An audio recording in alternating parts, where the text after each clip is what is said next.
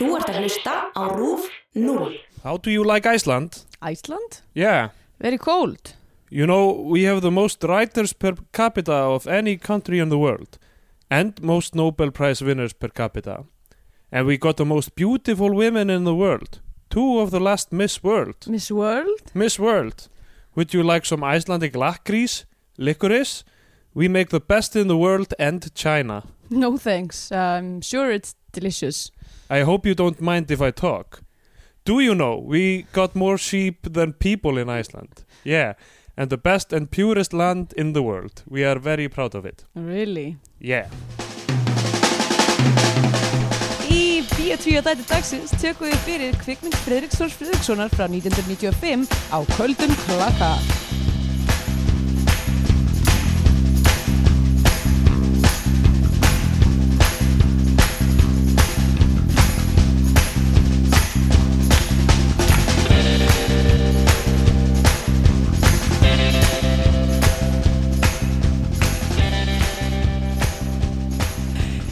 Sælblessuð, eða komið sælblessuð. Ég get, núna get ég ekki hægt að hugsa um þetta, sorry, þetta er bara, þú ert búin að eðlægja þetta fyrir mér. Jæja, uh, heil og sæl og velkomin í Bíó 2, hlaðvarpið um íslenska kvikmyndir. Ég heiti Andrea Björk og hér með mér er Steindur Grötar, Hæ, hæ. með stjórnandi minn. Já, hvað segir þú gott? Bara fínt, fínt. Uh, ekkert, ekkert sérstakt. Ekkert á döfinni? Já, ekkert, nei, Nei, ekkert áhugavert. ekkert áhugavert þegar gerst í þínu lífi síðustu sjö daga Nei, síðan að við tókum síðast upp. það held ég ekki. Nei, ok, allt er Það læg. verður eitthvað áhugavert gerst hjá þér. Um, ó, nú þarf ég aðeins að hugsa Nei Ok, frábært. Herru, Já. kvikmynd dagsins er, Herðu, höfum bara stutt og gott Já. Laggott í dag, fyrir um bind í myndina getum við farið beint í bara dómin um myndina. Já, við slema Þið hafa vel séð þessa mynd, við þurfum ekki að tala um hana Já, uh, hvert einasta mannsbarn. Já, séð þessa nákvæmlega. Hver man ekki eftir að köldum klaka Já uh, mér, Ég man eftir leikriti sem hétt á Köldum Klaka Já, sem var ekki tengt þessu ok og var sett upp hjá leikfélagi Reykjavíkur í borgarleikusinu mm. Pappi minn gerir leikmyndina fyrir og ég vona, vona einhver sem kom að þessu leikriti sé að hlusta því langar, þú veist, ég finn ekkert um, það. Já, ég bara man að það var uh, ég held að það hafi verið eitthvað svona framtíðasín og það voru einhverju eitulífisalar eða eitthvað ok. sem voru að selja eitthvað sem var veist, bara kallað fjörefni eða eitthvað þannig. Og Classic Ís Já, Ísland á þessu þetta tíma eitthvað svona dystopíu Ísland. Oh boy. Ég er og- mjög forritin og já, leikmyndin var mjög speysuð ég maður eftir því, Já, þetta voru ok. eins og þú veist, eins og eitthvað svona ístöplar eða eitthvað. Passa mjög við ákvöldum klaka. á kaldum klaka einmitt. ég nefnilega sko ég hafði uh, séð eitthvað eitthvað part á þessari mynd, eitthvað smá part og í haustum á mér þá hafði ég blandað henni saman við einhverja sjómarsmynd já, sem ég sá eitthvað tíma veistu hvað, til þú veist sjómarsmyndir er svo ógeðslega fyndi dæmi út af því að mér margir er svona hérna, hafa eitthvað svona óljósar minningar um eitthvað svona sjómarsmynd sem þið sáu eitthvað tíma, þú veist, að því maður að því maður einhvern veginn aldrei maður hefur aldrei intent til þess að horfa á sjómasmynd að því að sjómasmynd er bara eitthvað svona sem að, er bara eitthvað, þú veist, eitthvað uppfyllingarefni í dagskrá það er eiginlega, eða þú veist já, eitthvað svona sem Rúf hefur fengið okkur um prís eða eitthvað svona, Já, eitthvað svona samnorrend nor, norrænt eða eitthvað svona. Já, Rú var alltaf að kaupa eitthvað svona pakka eitthvað, ok, þið fáðu líðalveg upp á neitt og tvö en Já. þið þurfið líka að fá hérna eitthvað obskjúr Dæmi. sem enginn hefur séð. Já, og þið verðið að sína þið verða að Gerið allt saman. Eða Uh, kannski þið verðið ekki að sína þið verða að kaupa já, já, einmitt, og þá sitja þau ágætt mikið eitthvað efni sem er eitthvað, við eigum þetta við þurfum að slott, Já. why not Ill rhymes um, slott og not já. uh, allavega. Hana uh, ég sérst sá þessa Ég sjómasmynd kynntist konunum minni á Slot or Not Ok, ég var ekki einu sinni búin að hugsa um hvernig ég hægt að tólka þetta áður en ég sagði það. Já, nei. Ég sá bara, að, þú veist þú sást bara, sást bara færi að brandara Já. og tókst það. Hot or Not, mannst ekki eftir jú, þessu? ég veit um stelpu sem að uh, kynntist badföðu sínum á hátanót Aha, uh, flutti til Kanada til þess að hitta hann var ólétt. Uh, hún var held ég 15 ára á þeim tíma. Ó nei. Eða 16 allavega, hún var mjög ung. Uh, en já, þau kynntist á hátanót.com Já, það er ástina að finna þar. Ja, þú veist, ekki í mínu tilviki en, en sumir, sumir finna ástina þar. Hvað hétt eftir þetta sem Mark Zuckerberg gerði fyrst? Sem, uh, sem var svona compare hotness dæmi. Uh, æ, uh. Ég hef ekki svo hugmynd fyndi hann, hann sé eitthvað svona preppa forseta frambjóð Er það? Já, er, hann er hann að gera það? já, hann er eitthvað að ferðast um landið og tala við bændur oh. og mér finnst, svo, mér finnst svo skrítið að þetta sé, þú veist, hugsunin þú veist, þegar, ríki er að stefna í áttina því að vera eitthvað svona, þú veist, oligarki eða eitthvað bara eitthvað svona bara eitthvað ríkir, eitthvað miljónumæringar er eitthvað svona að leika sér að, að þú veist, að það kemur vondur miljónumæringur Já. og verður fórseti, að þá hugsa allir eitthvað ah, en þetta getur verið allt í lægi ef það er bara góður miljónumæringur miljónumæringur eins og Mark Cuban eða Mark Zuckerberg. Það þarf ekki að vera slæmt. Minnst bara að, þú veist, að þessi sem, mannski sem heldur svona háembæti eigi bara með ekki eiga neitt. Já, bara eins og í ríkinu eftir Plató já, já þurfu bara að strýpa sig öllum eignum sínum. Já. Var það ekki, er það ekki líka eitthvað sem Trump átt að gera þegar, þú veist Jú, jú, hann gerði það náttúrulega ekki. Já, eitthvað, eh, eins og hérna, Jimmy Carter þurfti eitthvað að selja Selja, hérna, netu já, netu bílið sig bílið sitt. Jimmy Carter náttúrulega er besti fórsetin í síðustu allavega síðustu 30 ár, myndi ég segja. 40 ár já, já, já, það Eh. hljóta þurfa að vera 40 ár. hann er bara svo mikil dúlla. Dúllukall dúllukall og örgulega með einhverjar beinagrindur í skápnum eins og allir Nei, sko, mér svo, hann, hann er alveg gert eins og dæmis, hann, hann er rosalega trúaður Jimmy Carter og, og er, þú veist, var í einhverjum söfnu og okkur svona. En þráttu fyrir að vera mega trúaður það var svona hans styrklegi svona kannski ástæðan fyrir að hann þú veist, fekk eitthvað hilli með hvað hann var með radikal hugmyndir eins og breyta yfir í metrakerfið og setja, setja sólarpanela á hvítahúsið og eitthvað uh, hérna að, að þá þegar að kom upp eitthvað svona þú veist uh, þú veist, svona klassíska kirkjudæmi kynfyrsárni og eitthvað svona og misandkunar valdi og eitthvað svona að þá, þá sett hann fram einhverja tilkynningu og var eitthvað ég, þú veist uh, held alltaf áfram að vera trúaðar en ég, ég þú veist, Já. verða hérna, setja niður fótinn með þetta málefni kirkjuna eða? Já.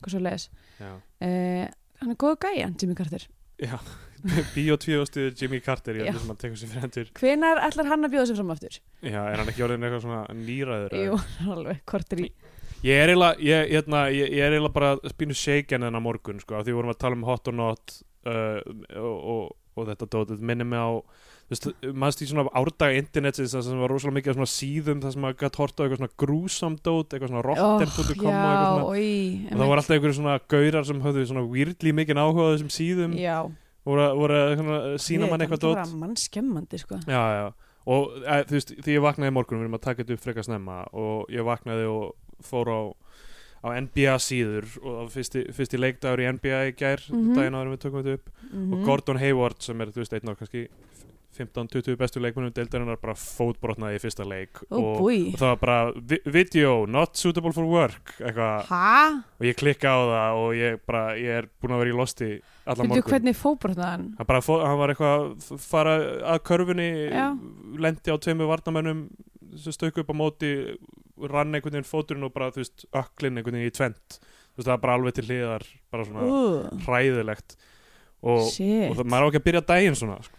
Nei, en það var ekki eitthvað svona, þótturinn datt ekki af eða neitt þannig. Nei, nei, það var bara, ekki- það var en, ekki blóð. Nei, það var ekkert blóð en bara þú veist alveg svona þú veist maður hétt sá- til hliðar Ó, oi, svo slegt og þú veist þið ykkar sem fylgist með NBA og hlustið þetta þurfi ekki að horfa á þetta myndband? þið þurfa ekki að horfa á þetta þannig að bara le leiðið uh, þessa hugmynd hjá, hjá ykkur. Gordon Já. Hayward var, þú veist, hann, hann var að sæna hjá Boston Celtics og var svona stórt stórt free agency signing og, og Boston Celtics átt að vera svona, þú veist uh, berjast um titilinn. Já, rífa, rífa, rífa upp austur, hérna, sem er búin að vera já, frankly svolítið boring svolítið lengi. algjörlega og svo fyrst í leikurinn þá bara fótur hans í tvent og allir, allir eru miður sín It's a curse! já. Ég elska svoleiðis já, svona Já, álög eins og, allt þetta með hérna að Lil B hefði legt álög á og hérna Já, Kevin Durant Já, Kevin Durant. Já, James Harden ég Já, ekki- ég held að bæði Kevin Durant Já. og James Harden Einhver rappari, er þetta ekki alltaf obskjúr rappari? Eða? Lil B, já, hann er með hann er, hann er kvöld Já. following sko, eða þú veist, samt, að veit ekki hann er, hann er uh, frumkvöld Já, ok í ákveðin tegund af rappi Já, ég þekki ekki til hans verka, ég þekki bara til hans álaga sem hann Já, leggur sem á íþróttamenn. Alltaf á Twitter eitthvað, I put a curse on eitthvað, eitthvað íþróttamenn hann, er, hann, er, hann er með smá svona nortna vibes sko. Ég, ég fíla hann, hann er líka mjög svona hann er progressífur í, í svona uh, þú veist það sem, sem ég finnst óslega boring og leðilegt við rapkultúr sem er Já. þetta þú veist það er svona hypermasculine bullshit algjörlega, já. Og alltaf flex og alltaf svona. Hann hérna, ég kynntist, sérst, fyrst heyrði ég uh, uh, lag eftir hann á mixtape sem að Sunna Ben vinkur mín gerði fyrir mig fyrir mörgum mörgum árum sem að var, þá var ég með eitthvað svona oh, mér finnst rap mjög skemmtilegt en mér finnst bara ógeðslega erfitt að hlusta og ógstlega mikið af nýðum konur endilega, hún bara, ég skal búa til rap playlista fyrir þig. Woke rap Eða playlist bjóti bara mixtape fyrir mig um, með þú veist bara uh, svona female friendly lögum. Já. og eitt af, þeim, eitt af þeim var pósturinn, nei, tjók uh, hérna uh, lag sem heitir Miss Woman þar sem hann er eitthvað að tala, tala til konur í stærtu skili og segja eitthvað, hei, ég ætla ekki að vera að creepið þig. Þú ert örgulega kærasta, hann elskar þau örgulega líka. Eitthvað, Býttu, wow, býttu baka þess Hann er að tala við ókunna konu kæri nei, hann er í að syngja, syngja til hann eitthvað svona, ég sé það alltaf í sama stærtu skili og ég fer í og mér finnst þú mjög sæt, en Ok, ég ætla ekki að og hann er að celebrata sjálfan sig fyrir að áreita konuna ekki. Mm, Og hann er nei. ekki að áreita Ok, hana bara ekki kærasta ok, kannski. allar þú bara að fara að dæma þetta lag og þess að hafa nokkuð tíma að heyrta Þú seldir mér það ekki. Ok, sorry, þú voru bara að hlusta þetta lag. Ég skal bara posta því á Bíotvíu síðuna. Ok, Þetta er mjög fínt lag, allavega. Uh, og svo er hann ofta eitthvað svona með hérna uh, svona glingur, eyrnalokka svona Já, gett flott já. eyrnalokka og eitthvað svona varalit og eitthvað og er bara frekar mikið eitthvað svona slegin Hann flottu, flottu, flottu gæði fyrst mér en Ok. það er mjög skipta skoðanir um Lil B. Sumir hata hann, sumir elskan sumir eru undir álögum frá honum. Uh, allavega. Það- það- Helvitis nortnaveiðar gegn Lil B alltaf. Ég sko, Það nortnaveiðar í samfélaginu. Ég held, ég held sko Lil B sé já það, hann, ef það er ykkur nortnaveðar þá er það því að hann er nortn og hann er að veiða körboltumenn Já. Uh, En Ég er að menna, þú veist, eins og þarna Woody Allen var eitthvað Við skulum nú ekki fara út í reyna nortnaveiðar sko það- að einhverju hvítir ríkir gamlir skaufar Já. sem ég alltaf að nota orð eins og lynchmob og Já. witch hunt um sjálfa sig þegar að perpetratorar þessa historik hluta voru hvíti kallmenn gegn minn hlutahópum Já, og konum er alveg styrlað Já, já. Mætti ég að segja að þeir væri ekki búin að hu- hugsa þetta í gegn. Nei. eins og sluttornot.com Já, það, það var, það var svona slottornot. Ok. Ekki slottornot Og myndi slottornot vera svona kastala comparing system? Já, ég var meira að hugsa um bara svona ah, Rauf, æ oh, ah, Þetta er verra, því meira sem ég reyna að analýsera þennan hlut sem ég sagði því, ég var eitthvað svona að gefa þér inn eitthvað svona, já, kastalar. Nei, nei, nei, Er það, já, dansk orðið yfir uh, Já, slot. Slot. Eins og Já, líka, því já sko. uh, allavega, ég var að tala um sjómasmynd sem ég sá fyrir mörgum er, árum. þetta er vestabyrjun og þættir um hingað til Herðu, hættu þessu nú, mér finnst það bara mjög skemmtilegt. Við erum búin að koma inn einn körfubolta uh, vondum uh, perrum slottor slutt, slutt, skiptir ekki máli. Og, uh, eh, Lil B, Lil B, Nortnum uh, Þetta, við fórum mjög mjög með öll. En ok, þú ætlar að segja eitthvað um sjónvarsmynd Já, ég var sérst einhvern veginn náði í haustum á mér. Ég sérst sá þessa sjónvarsmynd fyrir mörgum árum að því ég var bara svona mikla á sofanum ég var ekki verið svona, ég veit ekki, 12 ára eða eitthvað. Og hún fjallaði um e, það var eitthvað svona real life story samt sko leikin byggð á raunverulegum atbyrðum um eitthvað par sem að hérna var að ferðast eitthvað um, um miðan vetur og svona festist eitthvað staðar úti bara raskandi og bíllinn þeirra, bíllinn þeirra sagt er bara snjóaðar inn og þau eru með lítið bann, bara unga bann með sér uh, þeirra bann uh, verðt að nefna, þetta er ekki eitthvað eitthvað unga bann, þetta er þeirra unga bann okay. Um, og þau sagt og myndi fjall bara um eitthvað hvernig þau veist, þurfa að díla við þessar aðstæður og enda á því að skilja bílinn eftir að lappa og svo eitthvað svona eru þau örmagna og og tærnar að þeim er að kulna og eitthvað svona og, hérna, og eitthvað á endanum tekur pappin ákvörðun um að, hérna, skilja mömmun á batni eftir inn í einhverjum helli og fara að halda áfram að því hún getur ekki labba lengur að því tennarinn eru dottnar af eða eitthvað líka og það er svona mega horror Ó, já. story og svo endar reyndar lifa þau af en missa þetta tennar uh, uh, Svo best sem ég man auðvitað er þetta mjög svona jumbled í Höfðu- hausnum að mér. Höfðu þau verið eitthvað svona eh, rosalega kokki í byrjun myndar um hversu góðar tær þau voru með? Já, og þau voru alltaf eitthvað Við erum fjölskyldan með bestu tærnar. Voru með svona, alltaf svona með tærnar í, í ramma einhvern veginn alltaf. Svo í lókmyndar snúa þau aftur High-five með fóturum sem ég fannst svolítið skrýndið. Sérstaklega er þetta að high-five með fótum Þú Já, þetta gera svona karate spark svona upp í já, emmitt uh, Nei, allavega. Þannig að ég var einhvern veginn búin að ruggla þessari sjómasmynd sem ég veit ekkert hvað heitir og ef ykkur annar mann, ef ykkur sem er hlusta mann eftir þessari sjómasmynd uh, þá vil ég endilega vita hvað hún heitir. Hérna uh, þannig að ég hjælt allan tíman að í þessari mynd að einhvern veginn að aðalsögupersonu myndinni myndi frjósa eða missa tætnar eða eitthvað. Ok, því hann er alltaf dansand á línunni að vera eitthvað svona krókn og kulda út í ykkur íslenskri náttúru en hérna vindum okkur bara í, í Cold Fever ok, gera það. sem hún heitir Cold Fever í rauninni, það er upprunalega nafni Á, ok, heitur hún ekki, Ég meina á Köldum Klaka er bara svona einhver íslenskun fyrir, þú veist, já, fyrir hérna, sem sagt, bíó bara eins og, eins og, þú veist hvað hétt, Loaded Weapon hétt Tveir Íktir eða eitthvað. Sem er svona parodí lýþala Weapon mynd með Já. Emilio Estevez. Tveir íktir, já, voru nokkur góð. Það, var, það voru nokkra myndir sem voru þýttar apaspil. Já, já um, Jón Gnar var með í, í uppstandri sínu að rosalega margar myndir verður kallaðar ein á báti. Einu báti eða á tæpasta vaði. Já, tæpasta vaði, einmitt, já. Já, já. Já, þetta, uh, já, það, uh, það, já, það sko var mikið kannski þýtt getur vel verið að þessi sjómasmynd hafi bara líka heitið á köldum klaka. Já, getur vel verið, sko, eins og leikritið. Veit um, En já, uh, hún heitir Cold Fever held ég og hún er skrifuð af Friðrik Þór Friðriksinni og Jim Stark já, ég þekki nú ekki til hans verka. Mei uh, nema þá bara í Vestrós Jók ah, okay. Æ, sorry, sorry með mig. Var það einhver í fjölskyldu sem var Jim?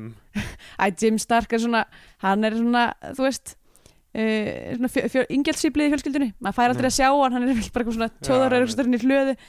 Uh, En já aðalhutverki leikið af Masatoshi Nagase. Mm, og þú veist, í þessari mynd eru Hollywood leikarar, þú veist, Fisher Stevens er hana já, sem er kannski mest frægur fyrir Short Circuit myndirnar já, sem, og, og hann, hann var sem sagt hann leik uh, indverskan karakter í hann er hvítur en oh, leik indverskan karakter. Og ég held að Aziz Ansari hafi eitthvað svona verið að poti svona- hann. Já, já, í- það var eitthvað svona dæmið sem hann var, Aziz Ansari var að tala um þetta í einhverjum spjaldþætti.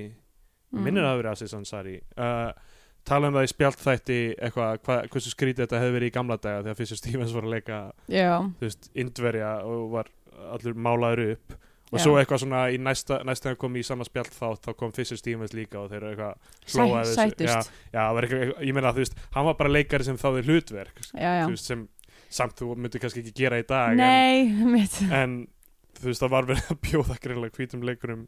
Þetta er svona whitewashing. Já, Fisher Stevens mest frægur fyrir þetta. Já, En, er hann- það? nei, hann hefur verið í alls konar dóti, en, þú veist, en, en þetta svona short circuit held ég að verið svona Okay, ég veit ekkert hvað sérst sörgut er. Það voru svona lítill róbóti, svona vinalegu róbóti Æ. ja. uh, já og Lily Taylor sem hefur verið í fullt af myndum ég hef séð hún var í uh, High Fidelity. Ó, ok, jú, herri, ég hef séð það. Já. já, þú hefur séð High Fidelity ég hef séð það. Hún var eina, af fyrrandi kæristunum okay. Ég- hann, hún var í Mystic Pizza sem er mynd sem ég aldrei séð. Já, ég hef alltaf verið á leiðin að sjá Mystic Pizza. En það er aldrei, virðist aldrei vera rétta mómentið hvað skapi ertu ég segi það, hvernig maður eitthvað hei, Jón, ég var að skella Mystic Pizza í tækið? Að því við erum með tæki. Við erum með hana á Vaffaðes Julia Roberts í aðlutur kæða ekki? Jú, Mystic ég held Pizza. það. Mystic Pizza er eina af þessum myndum sem maður er alltaf eitthvað þetta er svona ensemble held ég. Já, ok. Uh, sem að ég ruggla alltaf líka við hérna uh, hvað hétt eftir hérna myndin sem var með myndi eitthvað svona Empire Records eða eitthvað slags uh, með hérna henni ah, hvað heitir hún aftur? Með allar varirnar. Með allar varirnar. Sem að leik hérna Álfin í Lord of the Rings uh, já, hún hérna Blanchett, Kay Blanchett. Nei, ekki, ekki hún, hún er ekki með allar varirnar Nei, Li- Liv Liv, Tyler. Liv Tyler, já. Já. hún er með allar varirnar Já, hún fær þessar varir frá föðu sínum já, sem er líka með allar varirnar já, uh, sem að ég mögulega ruggla þessum tveim myndum saman út af því að það eru aðal, hvern aðalhlutverku mjög stóra munna. Julia Roberts og Liv Tyler. Ok, um, en það er líka eitthvað svona ensemble mynd. Það eru svona nokkra svona myndir sem að koma út á svipum tíma sem eru allar sam, í sama, í sama pókahortni hjá mér og einn daginn mun ég horfa þar allar. Ég, já, ég man eftir Liv Tyler úr myndinni One Night at McCool's já, hvernig var svo sko mynd? ég, það er svo langt síðan ég sá hana að ég hef ekki hugmynd, hún er Já. örgulega hræðileg Já. en gott ef það er ekki eitthvað John, John Goodman, og Matt Dillon eða eitthvað svona og hún er alltaf svona dragað á tálar eitthvað með því að þvó bílinn sinni eða eitthvað svona, þú veist, á Ah, sexy class. hát hversu oft hefur þú verið afvegleitur í þínu daglega lífi út af því að það er einhver kona sem var að þvó bílinn sinn Já. og þú bara getur ekki haldið áfram með lífið þitt? Voru ekki að tala um Jessica Simpson eða eitthvað í þessu hún samviki líka? náttúrulega þvóði bílinn sinn Já. eftirminnilega uh, í fyrir Dukes of Hazzard. Já, um, ég man líka eftir einni auglýsingu sem að Paris Hilton gerði þar sem hún var að borða hambúrgara og þvó bíl á sama tíma. Bæði einu? Já, það var, ég var líka bara, sápa í hverju- Já, far pottitt sápa í hambúrgaran af því hún var líka sko, var svona, svona að setja sápuna á sig Já, og já. satt með hambúrgaran örgulega ertandi einhver svona bílasápa Já, eitthvað- nákvæmlega, maður á ekki að vera að setja hana á sig. En kannski er hún bara að þrýfa bílinn með einhver svona, einhver svona baby shampoo. Já. Allavega, hérna um, já, Mystic Pizza. Uh, Lily Taylor. Já, þau eru þarna, þú veist, það er, það er allir þessir leikarar, sko. Um, sem þannig að þessi mynd er, gerist eiginlega öll, er eiginlega öll á ensku og japansku já, smá þýska þarna inn á milli og pingu Íslenska. íslenska, já, já. Uh, en hún er gerð fyrir þetta átt að vera held ég Alþjóðleg mynd. alþjóðleg mynd og hún var svona fór rúndin á, á kveikmyndaháttíðum og eitthvað. Já, þetta er svona classic hérna, uh, samvennuverkefna funding. Já, það sem að hérna, þú kemst í ykkur á sjóði með því að blanda saman menningarheimum og styrkja sambönd milli þjóða. Já, nákvæmlega.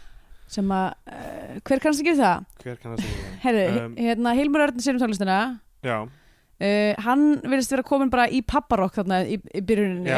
Hvað var það eða? Já, bara svona, "Ah, ok, ég og svo bara eitthvað, oh, boy. Uh, það er sko já, við kannski förum yfir það gegnum myndina, þú veist, það er náttúrulega bara ein útastöð sem virkar í bílnum sem hann kerir á, Já, en það er já, hérna, áhugavert val á tónlist.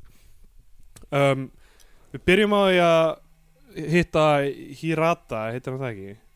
Hirata held ég. Um, sem er japanskur ungur maður í Tókíu held ég mm, uh, uh, og hann er að plana að fara í tveggja vegna frí til Hawaii já uh, en svo minnir afi hans á það og þetta ég átti mjög erfitt með að skilja þetta allt í Já. fyrir myndarinnar Já. af því að bara textin var ekki alveg nógu skýr, ég vissum að þetta kom allt fram á japansku upprunlega Já, já, mér fannst textin bara svona rugglingslegur þú veist, enska þingin En, en sammála. hans minnir hann á að fóreldrar hans hafi dáið fyrir sjö árum eða eitthvað þannig og þessi hefð fyrir því að fara að fara og við gera eitthvað svona minningaratöfn já, uh, þar sem að þau dóu? Já, það, á staðinum sem þau dóu.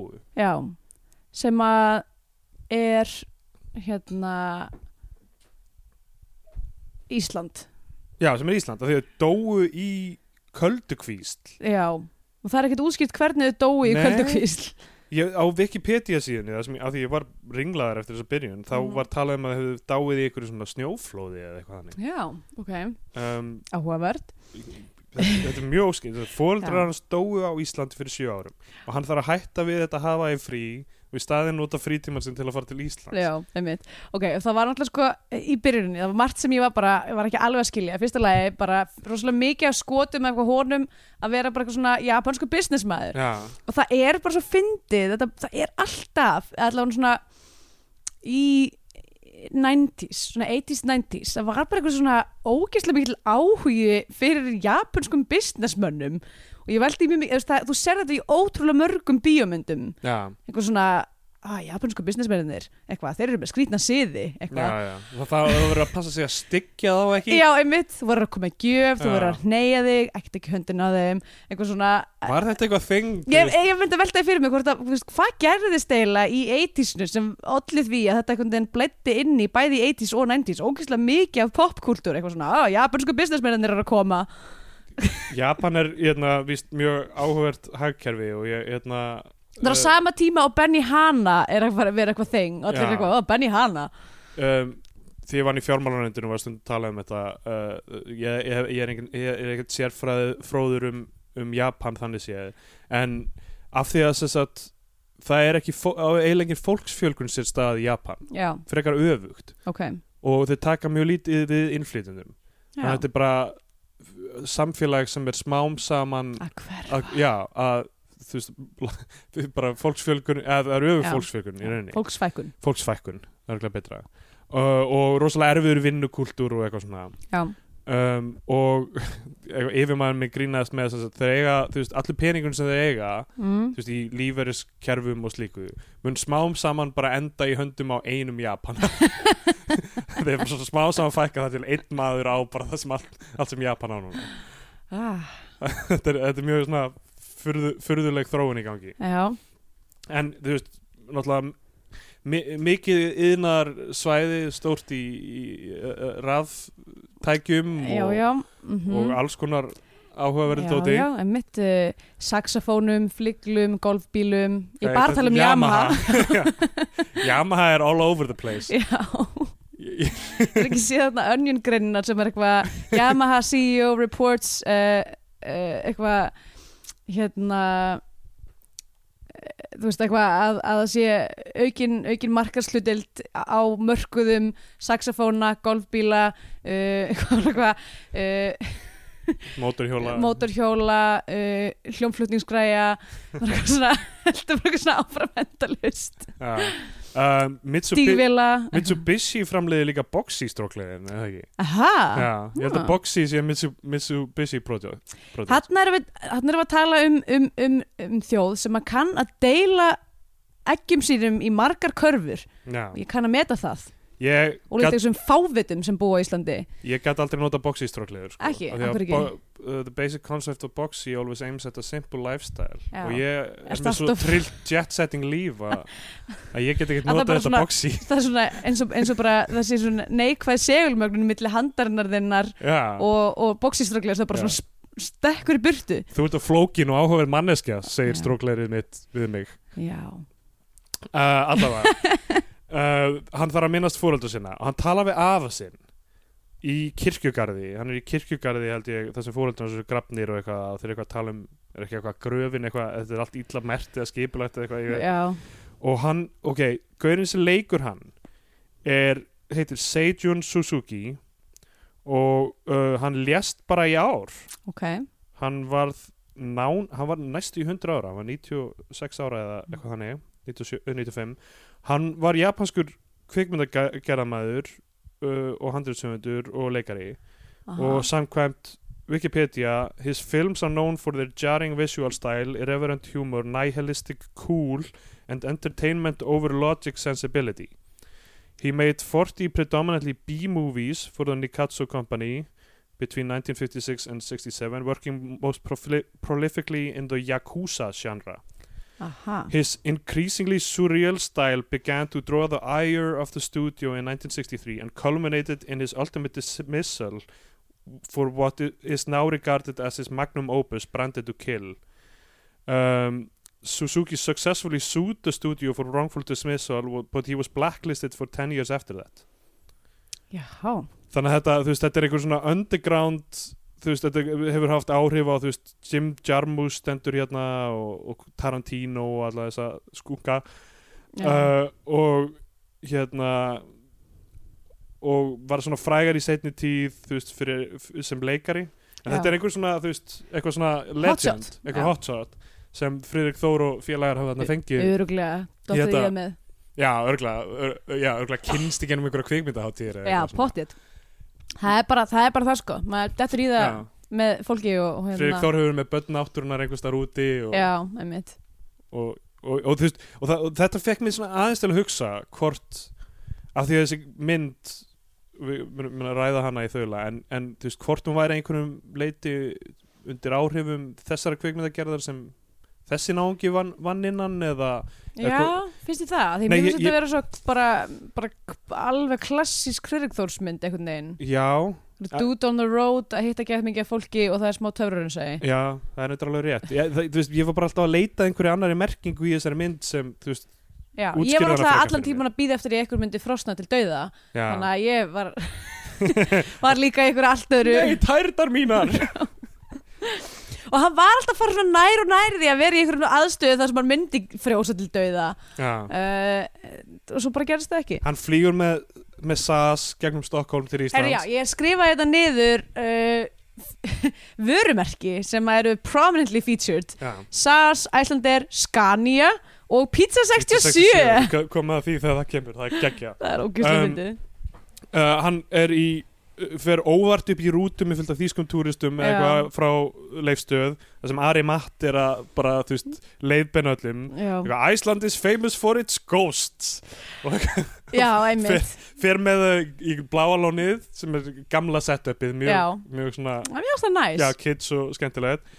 Um, fer, ok, þetta er náttúrulega, ég var að nefna það þetta er, þetta er önnur myndin í röð sem er nett landkynningavídeó já, já, Rossi Osvar í síðustu viku. Já, Rossi Ásvöri síðustu viku sem er bara svolítið svona langt og súralist landkynningamindband og þessi mynd er það að mörguleiti líka. Já, hún er sko yfirþyrmandi þannig. Uh, Ari Matt er stendur bara á bakkanum á bláalónir og er ennþá að þessu lausu, þau eru eitthvað að slappa af og hann er eitthvað að leiðbeina um, uh, varði bláalónið ekki syndóm nálægt þarna, Já, það sem að hvað heitir það þarna? uppsprettunni, Já, nei, uppsprettunni. verksmiðinni Já, verksmiðan eða hvað þetta er sem Kísilverksmiðan það sem og eitthvað, hann er bara eitthvað, það verða allir að þrýfa sér. Já, allir að þvó sig án sundfata. Já, og, og hér að það bara yfirgefur þetta já. dæmi, pikkar uh, fyrir að puttarum Ok, var tókst þú eftir því að það er annað aspect ratio á Íslandi heldur en í Japan?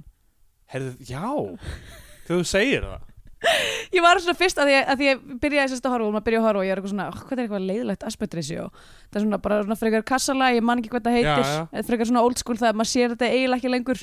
Um, og þú veist, og var eitthvað svona Jón var eitthvað að reyna eitthvað, er ekki hægt að stækka þetta eitthvað, eitthvað, nei, þetta er bara svona þetta.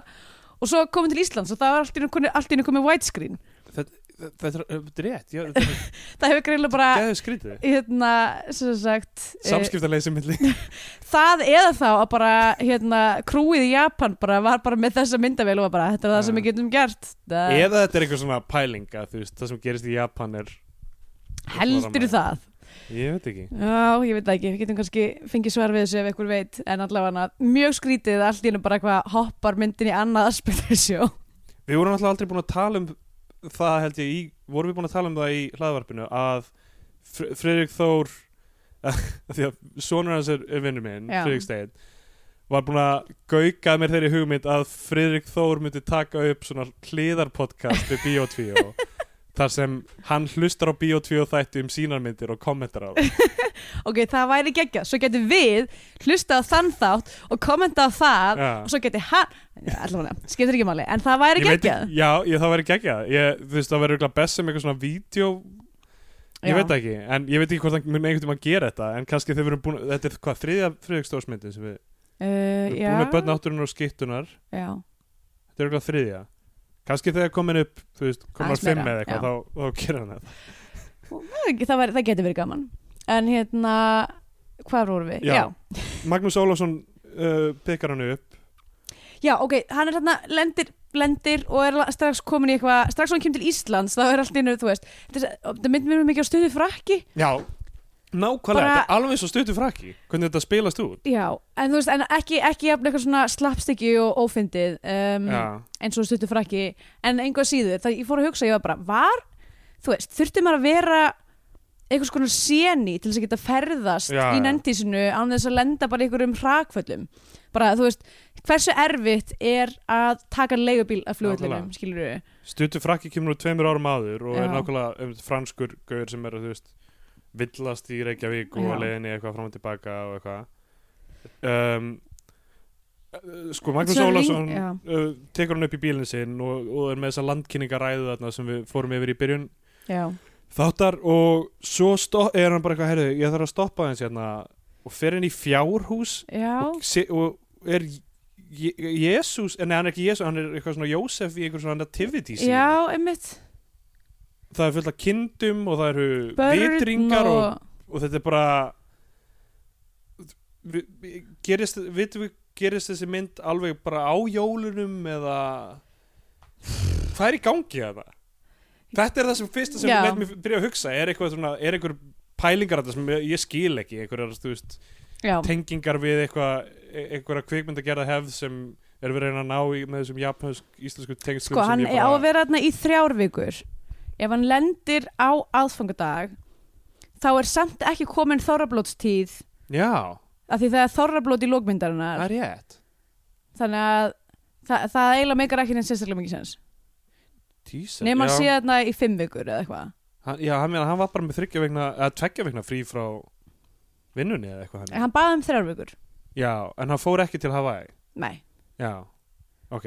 Nei hann var átt að vera í þrjár Já, vikur þannig að hann vildi fá, já, vildi fá eina viku enn til að gera þetta. Já. okay. sem að ég var samt að segja eh, þrjár vikur til þess að komast þarna þessari kvísl Já. þessum læk eh, þú hefði alveg getið gert það einna viku sko. Já, uh, þú veist, eða stýttra og það sem skrítið af því að þetta er svona vegamynd mm við sjáum þú veist, Jökulsárlón. Það er reyndar í svona draumasíkvensi já, og svo Dýrhólei í lokin já, einmitt. En hann er basically að fara bara sem sagt, norður í Dalasíslu að vestur, kannski segja maður já. sem er veist, aðeins lengri snæfellsneðis og svo kemur hann við á Skagaströnd sem er ennþá norðar ok, en það. ætlan sé að taka ringin en þá tekur hann hringin tilbaka því að lokin er Dýrhólei en þú veist, það er kannski líka dream sequence dæmi. Já, kannski voru þeim bara alveg, alveg sama því að þetta er bara já því það er náttúrulega þú veist, eins og Hrossi Ós sem þú veist, á að gerast í Skagafyrði en samt er eitthvað skipa siglaðar já það, ok um, eitthvað svo tógari ok, hann, hann sagt, Magnús Ólafsson hann hverfur inn í þetta nativity scene. Já, um, og þá ákveðum bara eitthvað að fara að labba. Já, og pikkar þar með karlakór á sem er á vörubíl. Já, af því það pallbíl, gerist svo mikið á Íslandi. Það er bara heilt karlakór á pallbíl og hann bara stendur með þeim aftan á pallbíl í bara einhverju death-defying já. tilraun til að komast til borgarinnar í Um, sko líka snjóbil Já, það er, veðrið er í ruggli alla mynd. Já, Alla mynd er bara stormur og, og, og, þe og þegar hann kemur til Reykjavíkur þá er hann að borða á grillinu að mér sínist já, og þá kemur þessi stelpa í þessari geggjuðu pizza 67 peysu. Já, með eitthvað svona drellokka eða Já, einhvern veginn bara hakkað hár. Smá, smá svona, svona 90s rave kultúrhár kannski. Já, einmitt, en samt einhvern veginn mér finnst það svona svipa á hárið á hérna Hermes í, í Futurama. Já, já, já. Hermes? Segir maður ekki? Hermes. Hermes, mjög langt sér séð Futurama. Hermes Conrad. Já, uh, allavega, hérna, já, mjög, mjög spes dæmi, hún kemur allt í hennu bara og er bara eitthvað það, við erum tengd af áru, skil, skinjar ekki þú veist, tengslinn skilur milli ekki þessa okkar já, já, þið langar að köpa bíl ég er einmitt að selja bíl, það er tengingin. Já, og selur honum þennan gegn freðna bíl. Já, mitt. Á 200 skall já, sem ég veit ekki hvort það sé gott eða slæmt. það hljómat alltaf mikið fyrir, en þetta er sann sko hálf ónýðan bíl. þetta er sann flottur bíl sko já, ég var einmitt að hugsa bara að því að, hann náttúrulega er mjög lengi á þessum bíl og þessi bíl er óslega mikið centerpiece í fyrirluta myndarinnar. Já, uh, að þú veist bílar eru mikilvægir. Uh, bílar eru mikið Nei, þú veist, ef, ef þú ert að fara að vera með bíl Hashtag mjög aðförin. mikið í mynd já, að það er mjög mikilvægt að bílinn sé líka með karakter. Er uh, og þessi bíl var að mér fannst svolítið eins og Sex and the City New York borg Já. Um, Ég velti fyrir mér hvernig önnur aðal persóna myndarinnar. Já. Ég velti fyrir mér hvernig framleiðslan fór að því að frista hennan bíl. Já, Þú veist, að því að bílinn er bara með grílukerti á sér þú veist, hann hefur verið spúlaður bara. Þeir bara spúla hennar bíl og, og býða eftir að hann frjósi í næturfrosti eða eitthvað. Ég meina það, er, það virkar eins og að sé skýt kallandundi sko, þannig Já. er örugglega bara spúlan og spúlan aftur bara spýð Já, aftur á, já hann lúkkaði þannig að því að þeim þessi klaki lúkkaði ekki eins og svona klaki sem kemur í snjókomu sko. Nei, nei, alls ekki sko. Og, og, hún, og hann eitthvað reynir að opna hann rýfur af honum handfangið og hún segir bara it's a feature not a bug. Já, veist, classic. þetta er góð leið til að veist, stoppa annað fólki að fara inn í bílinn ef það er ekkert handfang utan hann um eitthvað þannig. Hann hættir að kaupa samt hennar bíl. Að því þessi karakter er ég veit ekki hver þessi karakter er alla myndina. Nei, hver er, hver er þessi gaur og hvað hva drýfur hann áfram og hvað vill hann og hann er bara, hann gerir bara sko eitthvað það er held ég það áheld ég að vera established í því sem gerist í Japanin það er bara einhvern veginn ég átti mjög erfitt með að grípa upplýsingar úr þeim kabla hann er algjörlega passífur alla Já, myndina hann er það, en hann ásæðast þetta basically, það kemur þarna fyrst, hann eitthvað sem sagt er rosa duglegur að vera businessmaður og duglegur bara svona algjör, algjör yes-menn í fyrirtækinu og eitthvað svona reyna, þú veist að að hérna plugga sig áfram og svona Já, og er bara svona upptekinn af, af þessu, af framanum sínum. Og hérna uh, og svo sem sagt fer þarna á samtali við avansinn sem er eitthvað, það verður nú að, verður að fara og, og, hérna og, róa þess að drauga niður já. bara ASAP að því að draugar eru þú veist pælingi, mikil pælingi þessari mynd. Já, já. Og hérna, og hann er eitthvað svona ég myndi ekki gáka svo langt að segja að þetta verið spooky movie. Það er ekki, það er samt spooky, ég meina, sumt spooky við komum því já, en hérna en nei, en draugar, meira svona draugar sem sko bara svona element. Já. af því það er, bæ, það er bæði í íslenskum kultúr og japanskum kultúr skipta draugar rosa miklu máli. Sem þið tala um það hann og Gísli. Haldur sem tala um en allavega, hann svona þú veist, þetta, þetta, er, þetta er call to actionið þannig þegar Já. avans er eitthvað, þú verður að fara til- láta þess að drauga hérna, gefa þeim smá frið. Um, og hann er eitthvað svona, ó, þú veist ég er hérna að fara til Japan, nei, ég er að fara til Hawaii og eitthvað svona er eitthvað, hérna. Já, já. og hérna, og svo er hann eitthvað að æfa púttið sitt inn í íbúðinu sinni. Já, já. og, og hérna að því hann er að fara að því hann er að fara, að því hann er að fara að golfa á Hawaii. Og, og golfkúlan lendir á fjastringuna hans og það byrjar að spilast eitthvað myndband sem að þau, sem að fóreldrar hans höfðu sendt honum frá Íslandi þar sem að hann, þau, þau eru í einhverjum íslenskum lopapeysum og er eitthvað, það er svo gaman á Íslandi eitthvað. Og, og, og fóreldrar hans segi eitthvað svona, þú veist, þú ert nú svo rosalega upptekinn í skólanum og þú hefur kannski engan tíma til þess að koma hitt okkur og svona. Þannig að það er þá búið að establisa það að hann hefur ekki haft áhuga á fjölskyldun sinni og verið óslega upptekinn að framanum sínum óslega lengi.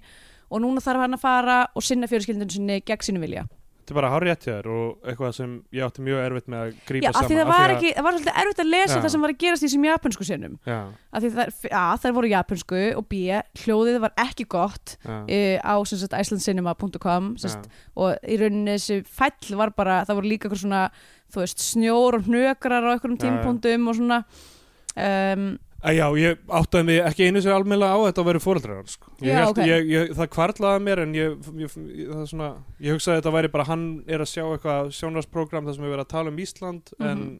þú veist, af því að af því, af því ég, já, ég veit ekki, kannski bjóst ég bara við í úr Friðrik Stórsmynd að það væri einhver svona draumarunnuleiki já, já, en hann kom nú síðar já, hann, já, uh, en ég, ég sko mig grunar að þetta sé einmitt eitthvað svona kommentari á einmitt það sem varst að tala um sem sagt uh, þennan crazy vinnukúltur í Japan. Já, og þú veist að fjölskylda hefur alltaf verið mjög mikilvæg og hefðir og svona en, en, en sagt með nýjum nýrri kynnslóð þá þú veist fer það, eða það farið að þerra og einhvern veginn svona uh, hann hefur er búin að býða í sjö ár með að fara og sinna þessari hefð eða whatever að því hann er svo upptekinn að því að vinna og fara í golfferð til Hawaii með vinnufélögum sínum.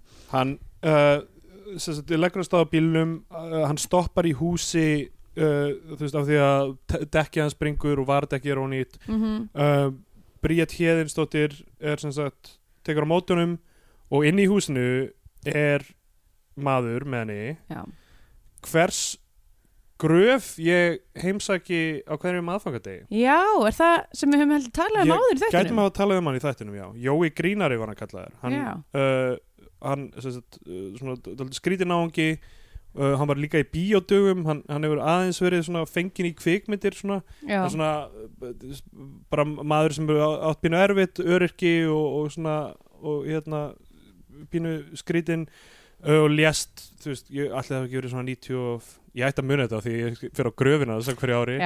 Uh, en, en málið er sem sagt að pappi og vinir hans þeir hérna voru svona dálítið sinnunum og hérna held upp í svona vinskap við hann og svona byggðum út að borða ammælinu hans eða eitthvað svona Mm. og hérna og það, það var allt, allt, allt mjög sætt og hann ringdi rosalega mikið heim til mín og þú veist, já, ef, ef, ég man ekki hvað hvað þætti við tölum þetta um Já. þannig ég var kannski búin að segja þetta áður ringdi rosalega mikið heim og vildi, þú veist, bara daglega vildi spjalla við pappa eða mömmu og eitthvað þannig og svo bara því að, þú veist, og hann jarðaði rétt hjá sagt, uh, ömmu minn og afa þá Mm.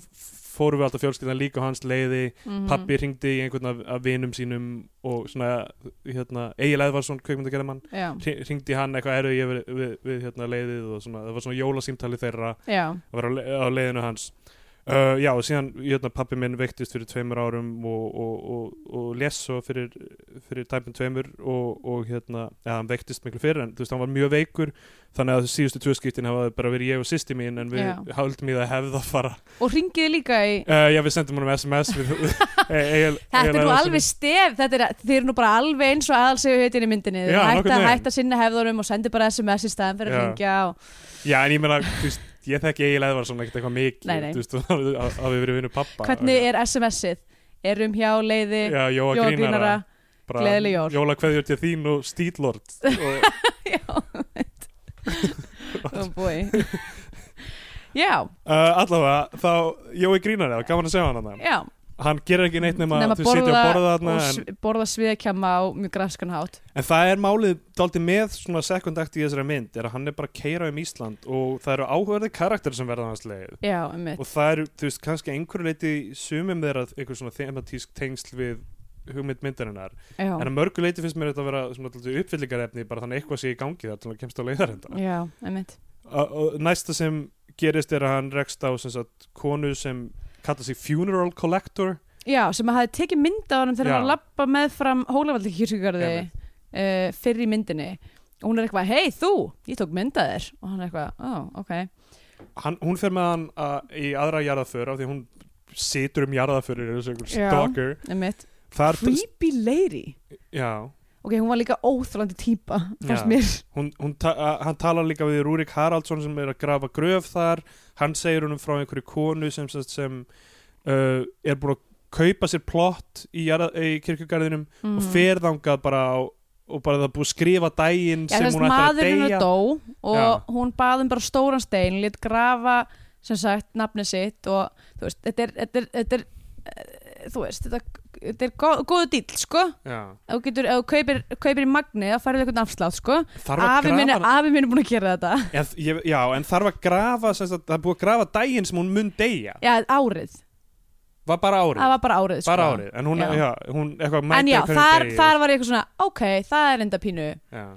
áhugavert. Þetta er allt í, þú veist, ok, þetta er í þemanu sem er bara döðinn og hvernig við dílum við hann og mismöndi hefðir og eitthvað svona. En veist, þetta er pínu svona mikið af þessu finnst mér pínu svona veginn, ok, þetta er allt mjög kvörki og skemmtilegt ég skil hvað, við erum að reyna hérna og, ha- og hann er að leiðina á staðarfell og hún veit, þessi ljósmyndarkona veit hvað það er. Ég veit ekki hvað það er. Ég, nei, ég veit ekki heldur hvað yes, staðarfell er. staðarfell það- er svona, þú veist, til á svona fjórum mismöndu stöðum á landinu. Já, örgulega og það bara, yes, I, I know where that is. That is uh, there's probably bad weather at that time. Eitthvað svona, eitthvað, hvað hvað, akkur veist þú hver staðarfell er það er Já. weird.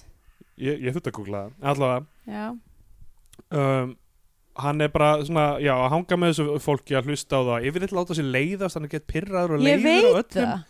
Þetta er svo skrítið þessi afstæða hjá honum. Og af því hann segir svo lítið eitthvað og hann talar ennsku illa þú veist, reyndar skilur eiginlega allt þegar hann þarf það en þú veist, hann segir já, og einhvern veginn kunna allir Íslandingar líka bara mjög fína ensku sem ég var Já. bara, sem er sett upp í byrjun myndarinnar. Já það er sett upp í byrju myndarinnar Já. en það er bara ekki rétt. Það er ekki rétt. Um, hvað þá 95 þegar hann er komin aðeins- ekki að gömlu fólki sem ekki að Já. gott í ensku Gísli Halldórsson er bara bara fáránlegt. Reybrennandi hann, er, hann, er, hann heldur áfram eftir þetta. Þá sér hann þá fyrir að sofandi, er hann ekki sofandi í bílnum vaknar, sér Jökulsárlón. Já, þess að bíllinn festist. Já, já, bílinn er fastur bíllinn festist þarna okkur um vegi og hann getur ekkert gert. Uh, sopnar í kulda og vendanlega, þú veist, er þetta þú veist, þetta er bæði eitthvað svona töfr, töfrunsi og líka bara það að hann er, þú veist, búin að vera krókn og kulda í einhvern bíl og er bara eitthvað árafitt eitthvað, en alltaf hann vaknar allt í hennu og þá er einhver lítið stelpa með rosalega túperað hár fyrir utan bílinn Mhm. og hún eitthvað svona öskrar. Já, en hún er basically eitthvað svona barnsi eða? Já, já, kannski Er, það, er, er ekki. barnsi svona svo típa af draug sem öskrar shrieking? Hmm. Já, ég bara þekkti það ekki nú vel. Ég ætla að Uh, googla hvað barnsi Já, já, hún svona, svona, svona meira en öskra, svona skrækir, já, svona ominously einhvern veginn Shrieking. Já, á hann. Já, og, og já, þetta er Álfrún Örnúsdóttir uh, leikona, ok, mjög ung þarna. Um, og ok, þetta er eitthvað svona ominous dæmi. Veist en sko nei, það sem að gerist er að hún eitthvað æpir á Jökulsalón Já. og, og það splundrast einhver hérna eh, ísjaki. Já, og svo æpir hún á bílinn og þá byrjar bílinn að virka aftur. Já, ok. Ég farin að halda að þú hefur bara verið sofandi þegar þú varst að horfa á þessu mynd. Nei, nei, bara þú veist, það var ég, ég, ég veit ekki, við erum alltaf að skrifa hjá okkur punta með þetta í gangi. Já, þannig að stu- stundum er maður svona að, þú veist Mm. lítur, lítur af skjánum. Herru hérna kemur Wikipedia. Uh, ok, ég sé að þú ert að opna Wikipedia appið já, uh, a banshee uh, is a female spirit in Irish mythology who heralds the death of a family member usually by shrieking or keening. Herri, þetta er bara hjá þér. Já. Uh, þannig að heralds the death. Hvað þýðir það, bóðar hann? Greinilega. En já, ég veldi fyrir mér hvort að ok, við komum að því setna í lókmyndarnar en hérna, ég meina en þessi, þessi, þessi draugur hvers, hvers, hvers konar draugur sem hún er uh, hjálpar honum og setna í myndinni Já. þá segir Gísli einmitt eitthvað, hann hefur dreymt draum líka já, nei, hérna að sem sagt yfirleitt að sumir, sumir draugar sem sagt, Já. sjá auðma á fólki og hjálpa þeim en flestir draugar eru Já, bara já. eitthvað fucking about ég tók, ég tók eftir því þá einmitt, að hann, hann, hann þú veist, útskýrir eiginlega það sem hann lendi í Já. á þess að hafa að vita hvað það var einmitt, ok, svo pekar hann upp Fisher Stevens og uh, La- Lily Taylor Já.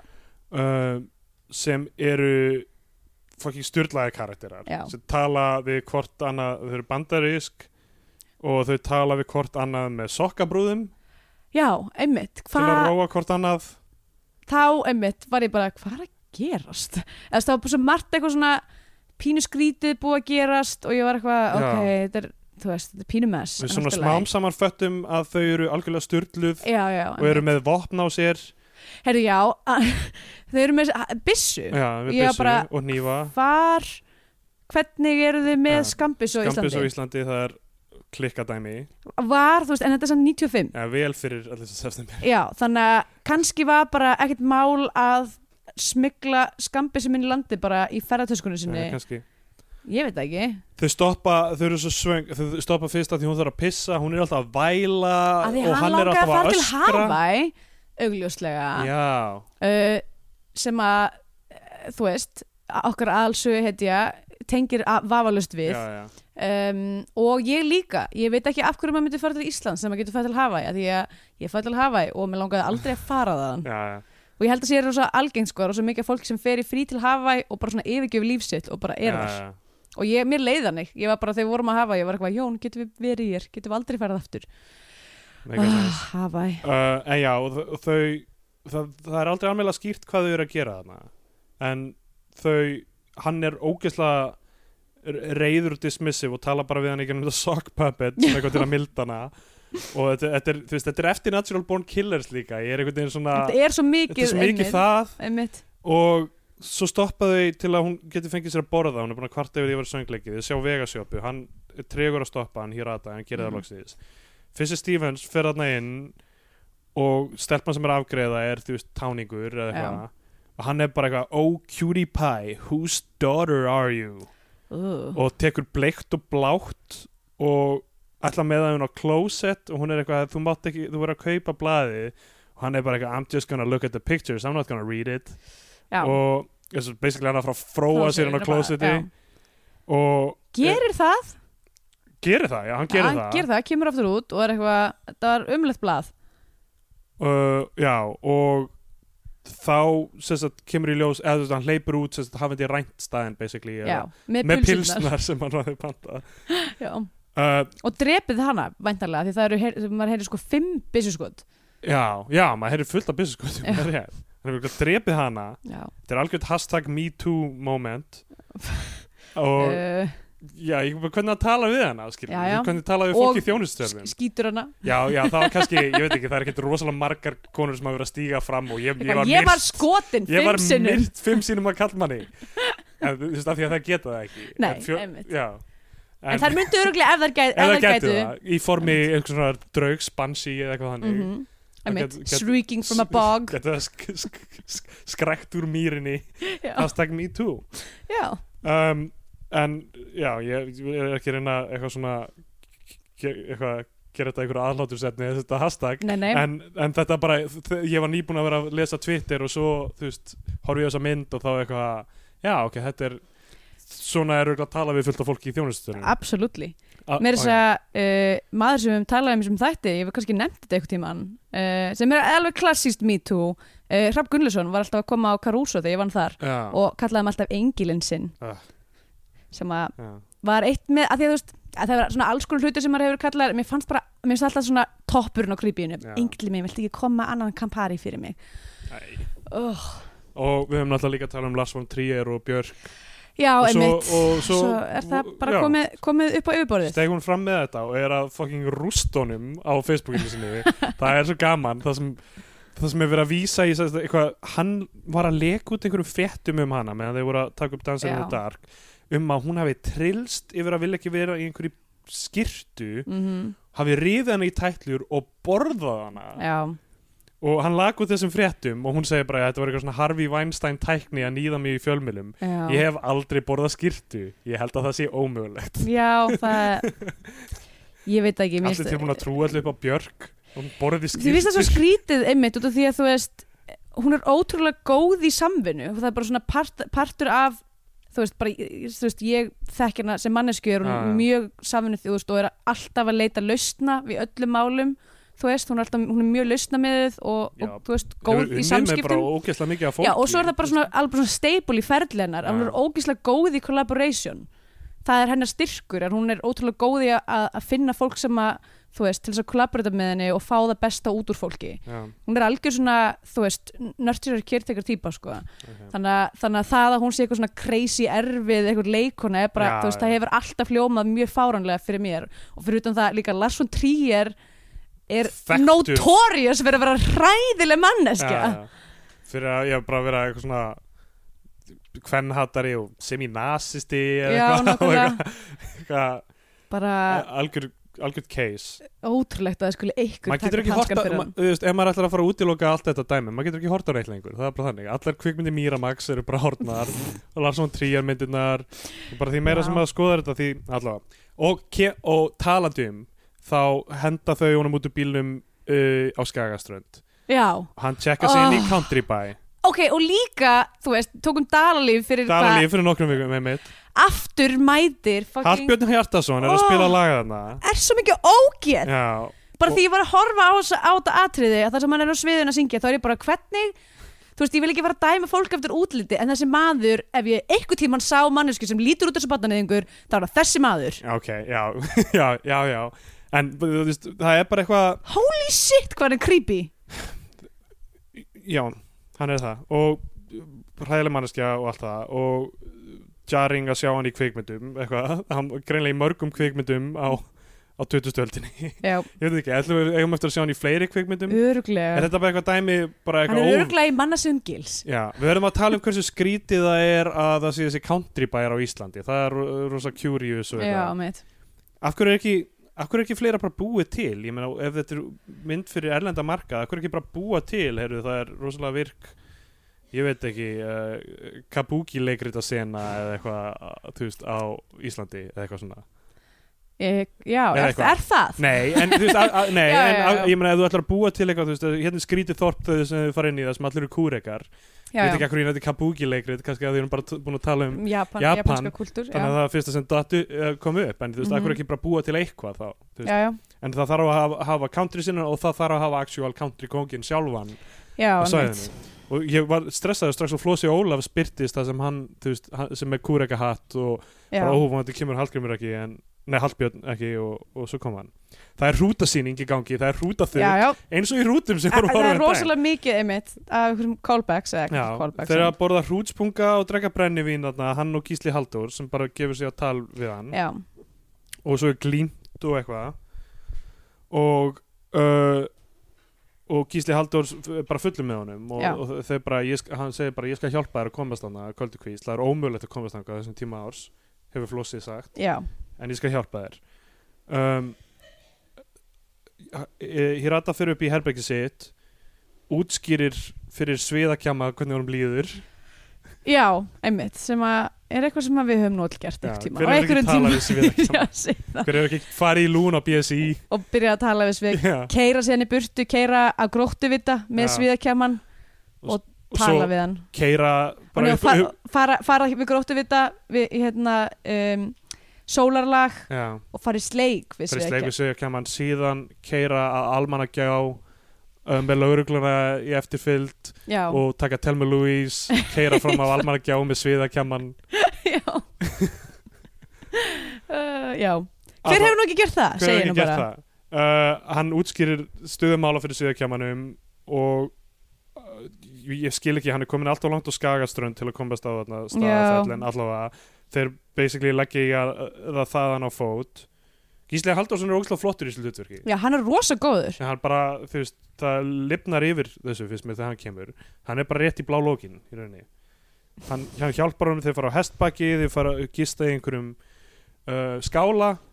Gísli Halldórs fara einhvern draum, dreymir þú veist eitthvað þannig sem segir honum að hann vil ekki halda áfram með honum. Já, emmitt þannig að hann þarf að fara til einn. Já, hann sér eitthvað svona draumsýnin er rosa mikið af einhverju fólkum, fólkum, fólki, fólkum, Fó- mikið af fólkum. Mikið af fólkum, fólki í hvítum kublum sem að eitthvað svona lappar í gegnum eitthvað ferðalang.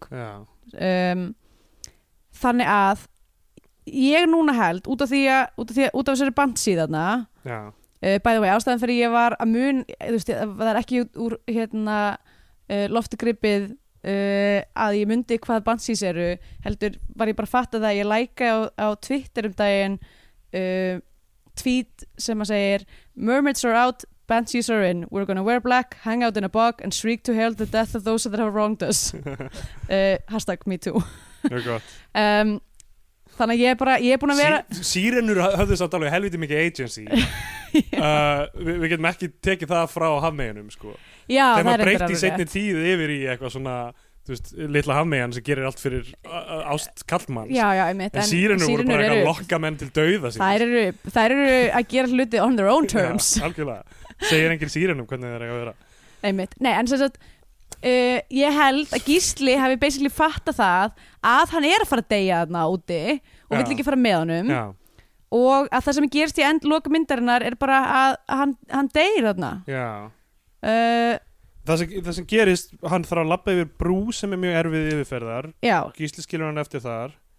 Um, hann uh, labbar yfir brúna hann fer á ánni kveikir í kertum, hann hellir sakinu to my dead homies. Já, einmitt, eins og bara hellur 40 já, út í ána. út í ána.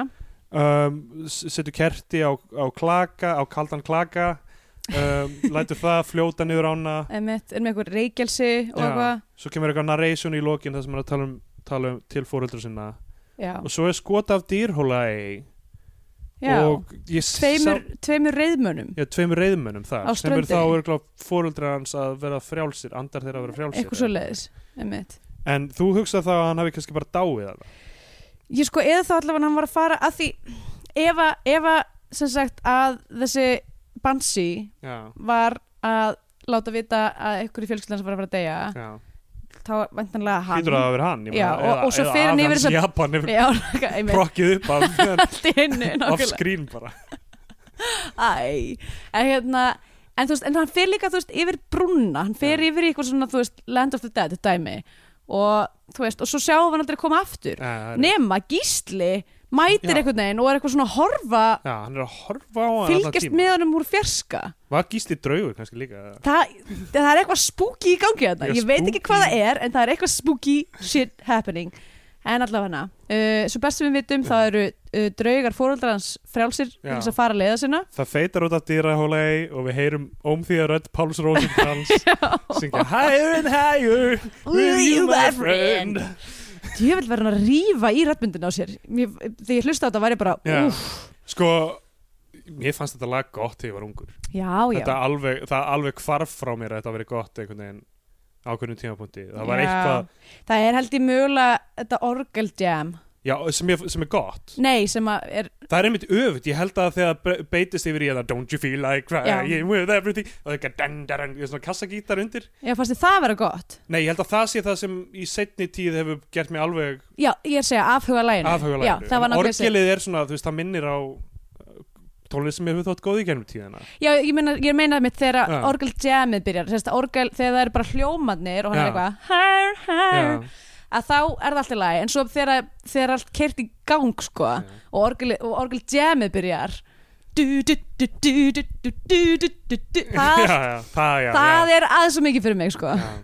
En, og sko, já, við tölum ekki um það en alltaf í myndinni það er öðna, Killer Boogie með þeysurunum Olympia með Ham Nei, nei, nei. hljómsveitin Olympia með lægið Symphony Er það, er, byrju Olympia er, er hérna uh, svona side project uh, hérna hans uh, Sigurjóns Já, Sigur Skjáltason, ok, Skjaltasonar? þess vegna held ég að vera ham. Já, ok, Já, hann er að syngja sko en Olympia, Olympia ok. gaf tvo diska held ég. Uh, og þessi diskur sem að Symphony er á er bara feit, feitu diskur ok. sko. Þetta er mjög rest svona eitthvað svona syntha um, basirað uh, Doom. Já, sko erfitt að skilgrana ég, ég, ætla- ég þór ekki að fara með það sko en ég, ætla, að- ég hlustaði mikið á Já. þessu plötu og Svo hún var skemmtileg. ég er frjáls líka. Ég er fyrir alls að fyrir mitt uh, alls Já. konar, alls konar er, og, að, partur af mér þú veist, af því að þetta var náttúrulega gimmick í myndinu var að útvarp í bílnum að bila þannig að þið gátt ekki slögt á því þannig að það var alltaf svona að heyra ykkur íslensk lög. Fyrstu Stevens á einum tímapunkti að sem við syngja yfir eitthvað lag Já, á mitt. óþólandi hátt. Og ég var alveg bara, ok, a það er ekki bara að spila íslensk tónlist í útvarpi. Nei, uh, við erum ekki Frakland, við erum ekki með kvóta. Um, sem sagt að það er eitthvað í- Fraklandi þarf að spila sjö frönsk lög og að- fyrir sagt, af hverjum tíu lögum sjö að vera frönsk og þrjú að vera þrjú með að vera erlendis frá. Hvað? bara fyndið. Uh, ég veit ekki hvort það sé ennþá svona en það var allavega svona. Um, hérna en ég upplýði svolítið að þetta væri svona eitthvað, oh my god, það er bara verið að reyna að plugga ógslag mikið íslensku tónlistina aftur, þetta já. alveg eins og Ég er að upplifa hana mjög mikið eins og stutan frakka sem mjög- var mjög frustrandi að hafa þetta séð stutan frakka að því að kannski hefði ég fílað þessa mynd meira án, án þess að vera eitthvað já, hérna er mynd sem er á þeim tímapúti það sem íslensk kvikmynd að gera er orðin það sem eitthvað, ó, við getum selt þetta út við getum presentera landið við getum, það eru einhverjir sínófílar út í heimi sem er bara, ó, íslensk kvikmynd, spennandi. Mhm. við skulum tengja hana við einhvern, þú veist, sína alla þessa kvörki íslensku hluti, við skulum tengja þetta við íslenska kúltúr og Mhm. einhvern erlendan gest sem kemur inn í, og, og, og er svona augu áhorfenda sem eru, þú veist, weirded out by, by uh, þetta allt og stutufrakki gerir það og, og ég vissum aðra kvikmyndi gera það líka sem við höfum ekki horta á. Já, Uh, einmitt. en já, já, smá svona eins og Lost in Translation gerði síðan, þú veist, Sofía Coppola hugsaði Já, bara, hei árið er 2000 og eitthvað smá eigum við ekki að fara að kynna Japan hérna fyrir í gegnum augu Bill Murray sem er ekki? í krísu. Herru, en eitt sem ég vildi nefna haf, að því, að því þú veist, þetta er búið að vera mjög mikið í deglunni nýlega, að því það er bara svo mikið af hverjum túristum búin að vera, að því það bara hefur verið svo mikil aukning af túristum á Já, já. Íslandi að það hafa verið, þú veist, svo mikið að slísum fólk að deyja í silfru, fólk að deyja í reynisfjöru fólk að deyja upp á fjalli, bara Já, hvað, já. fólk að deyja allstaðar hægri vinstri um, var þetta bara alltaf svona var fólk bara alltaf að deyja á Íslandi bara 95 líka, ég meina fóröldir hans greinilega dóu á Já, einhverjum já.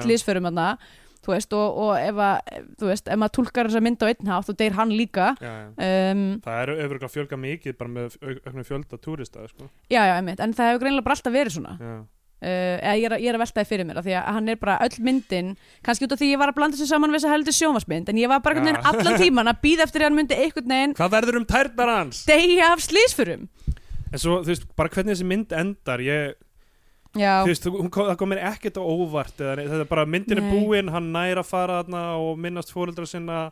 Ég sé ekki hann hafi endilega, þú veist vantaði svolítið svona emotional Já, vantaði algjörlega stakes fyrir hann og einhvern veginn, þú veist, hans, já, emotional ris algjörlega og líka bara einhvern veginn hugmyndinu um að hann uh, hafi einhver afstöðu eða sé eitthvað, að hann hafi verið að pirraður einhvern veginn á öllum Já, og einmitt þetta er pínu skrítið. Ef að vinda okkur í Scandinavian Pain Index. Herri, já, gerum það Það um, Þetta er náttúrulega alveg svolítið Já. svona pínu klassist uh, bæði að því ég held að sko báðar um, báðar Freyrik Þormyndina sem við höfum tekið höfum við eitthvað svona klassifæði sem Já. svona pro, proto-SBI Algjörlega.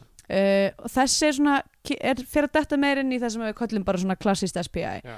en það eru vissulega þarna, veist Það er er náttúruöflin rosalega mikið. náttúrulega í, í, í hérna, front center um, fullt af road strangers. það er, þessi mynd snýst er bara Já. ógeðslega mikið Road Strangers uh, og það er náttúrulega spooky draugar Já, já. og og einhver, já, einhver, einhver banshee sem er hérna að hjálpa honum með ferðina sína Já. uh, þannig að það er töfrurinn sig, landslag uh, og svo er, veist, er, er, veist, það er náttúrulega hrigð ég vil láta við kannski, mögulega er það bara það að þessi leikari var ekkert sérstaklega emotive Já.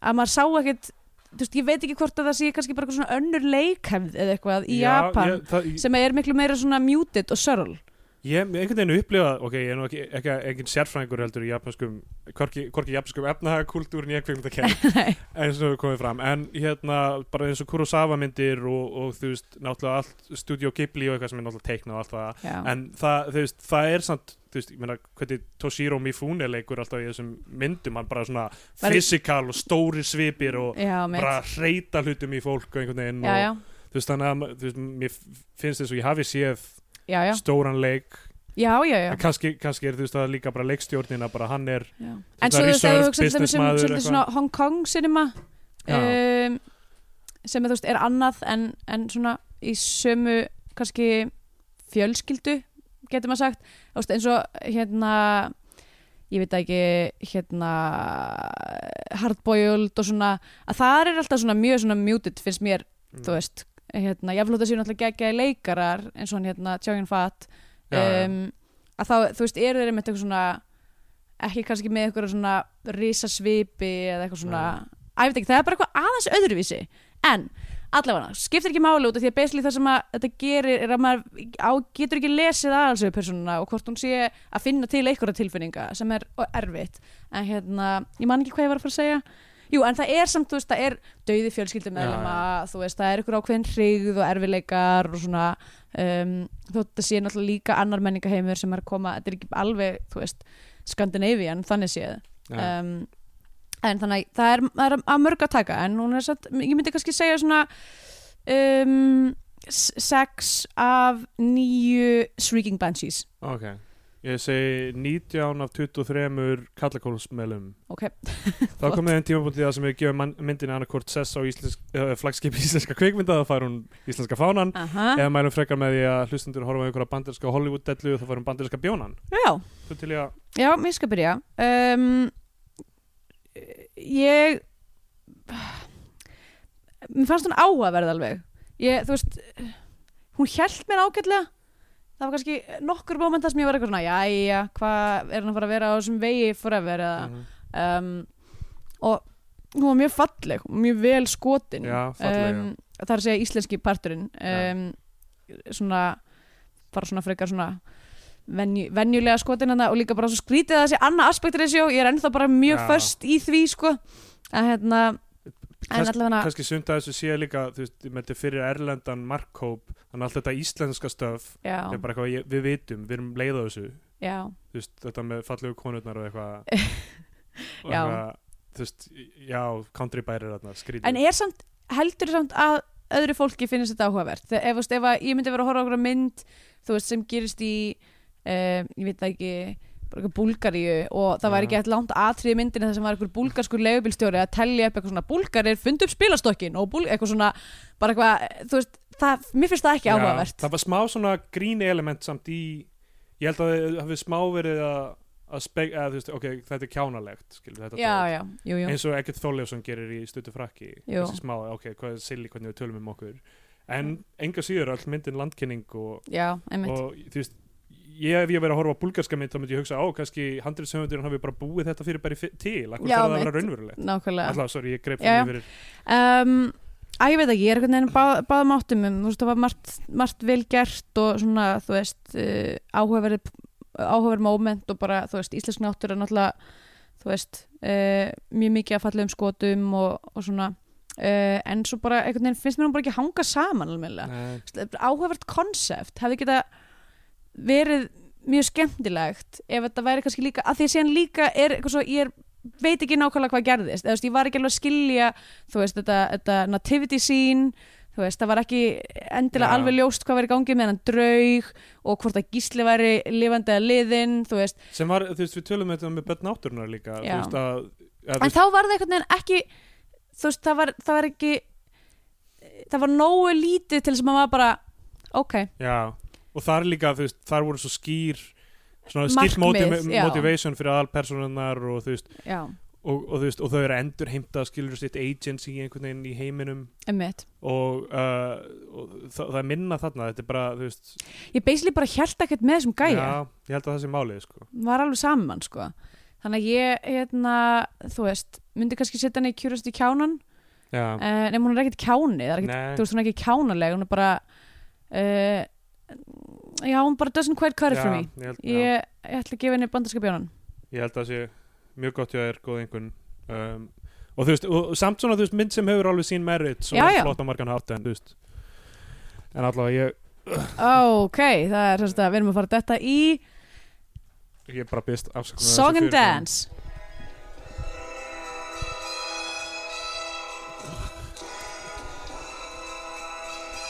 Ok, þetta er, þetta er mögulega vest að hinga til. Ég hlakka til. Uh.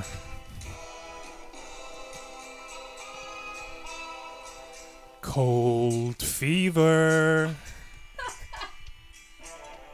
It's the film, the film with the magic plot That time forgot. Er þetta bara að vera rosalega lágt? Hirata eats balls of sheep, and Fisher Stevens acts like a creep. But the story lacks stakes and ends like expected. I was emotionally unaffected by cold fever. Ok, Woo! ok, þannig að það er bandarski bjónin frá þér. Já, ég fattaði eftir að ég hefði skrifað textan á Ensku, já sem ég, er af því að þú veist hugmyndir Goldfinger, Cold Fever var pælingin. Já, uh, en hérna uh, svo leið mér mjög kjánanlega því ég fattaði það bara í morgun. Já, ég skrifaði þetta á ennsku ensku já, þetta er að vera maður án þjó, þjóðurnis að vera vinna á öðru tungumáli megna Já. deginum og, þetta er erfitt líf. Já, og er skrítið að gera lag sem var úr annari kvikmynd Goldfinger? Nei, nei, ég held að það sé allt í lagi. Þetta var, þetta var flott. Takk. Eh, Kannski svolítið hægara heldur en vennilega já, um, En allt í lagi. Ég bara, ég, ég alveg lágut þetta er fínt. Hérna, uh, ertu með eitthvað til að mæla með í staðinn? herri já, ég pældi ekki sinni í því. Nei, nefnilega gerði ekki herri, heldur. segjum bara Það er svo- Rashomon. Ra Ég ætla að segja Rashomon? Já ætlaði Ok. þú að segja Rashomon? Nei, bara það er, þú veist, eina af mínum uppáhaldsmyndum En já, já, mynd. Það er ekki mynd. Um, Já, uh, ég var að reyna að finna eitthvað svona í sama kannski þema. Um, En ég uh, man ekki eftir neinu einmitt í augnumleikinu Það er svo oft sko, það er svo oft sem ég kem í upptöku og ég er ekki búin að taka ákvörðun. Nei, nákvæmlega, ég, og þú veist, og, og er eitthvað neginn svona að vinna mig gegnum myndina á meðan ég er að tala? Sem er flott, ég meina það eru, þú veist, núansarnar það er ástæðan fyrir það er ekki ein ástæðan en það er eina ástæðan sem uh, þessi þættir eru 80 mínútur eða eitthvað, er að við erum að reyna að tala okkur í gegnum þú veist, að þetta sé ekki bara svart og hvít sko. Um, en þessi, ég, ég held þessi aðalega svona langir af því að við erum uppfull á sjálfum okkur. En- Mögulega, getur vel verið að það hafi eitthvað með það að gera. Já, herri, ég ætla bara að segja Telma Louise Já. Ég held þessum byrja að festast í sömu myndinu Já, ég veit, En- en, það, það er Ég held bara að út þú af því hefur að auðvitað mælt með rassumann einhvern tímann. Mögulega, Já. já, getur vel verið. En þú veist, það er náttúrulega út af því að það er bara svo mikið okkur um road movies, Já. íslenskar bíómyndir greinilega þetta er eitthvað eitthvað stef. Algjörlega. og þú veist, ef maður þarf að mæla með annari road movie, þá er þú veist Það, það meika sens um, e- Ef þið vilja hafa samband við okkur við kunum alltaf meta þá skilabóð eða svipaði hlutir. Uh, það er allt samin erum við á Twitter. Ég er að Sveppgalsi ég er að Steindur Jónsson. Og svo erum við með Facebook síðan að Bio2 og endilega lækja okkur á Facebook af því að við erum alltaf að posta einhverjum myndum og, og einhverju svona ítarefni. Einhverju skemmtilegu gríni. Já, þannig að fylgjið okkur þar. Uh, að því sögðu þá bara lifið heil, lifið heil. No,